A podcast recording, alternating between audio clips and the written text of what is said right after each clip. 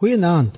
In Hosea 4 vers 1 staan daar die volgende woorde: Israeliete, luister na die woord van die Here, want hy kla die inwoners van die land aan omdat trou, liefde en toewyding aan die wil van God in die land ontbreek.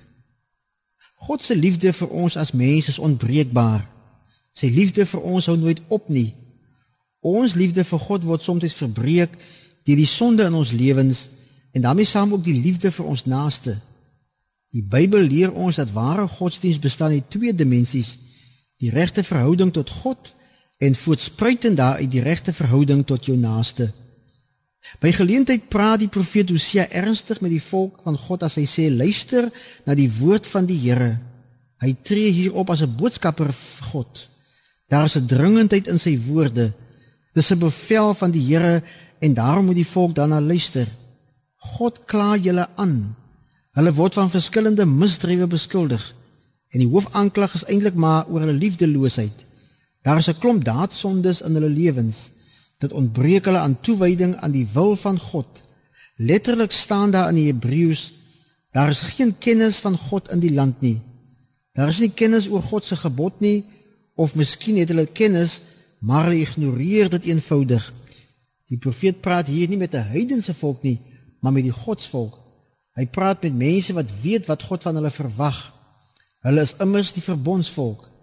Hulle weet wat van hulle verwag word en hoe hulle moet lewe. Tog doen hulle dit nie. Daarom sê Hosea, die Here kla julle aan. Julle skend die gebod van die liefde. Jesus Christus het ook hierdie gebod van die liefde beklemtoon.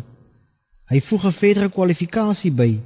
Jy moet jou naaste lief hê soos jouself. Dit moet die maatstaf van my liefde teenoor my medemens wees.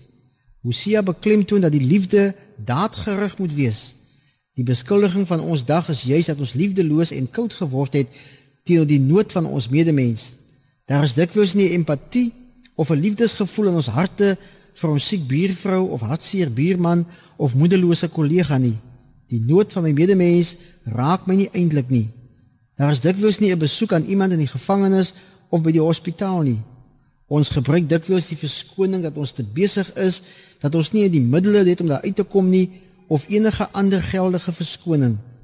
Hierdie ignorering van my naaste se nood kan dikwels aan liefdeloosheid toegeskryf word.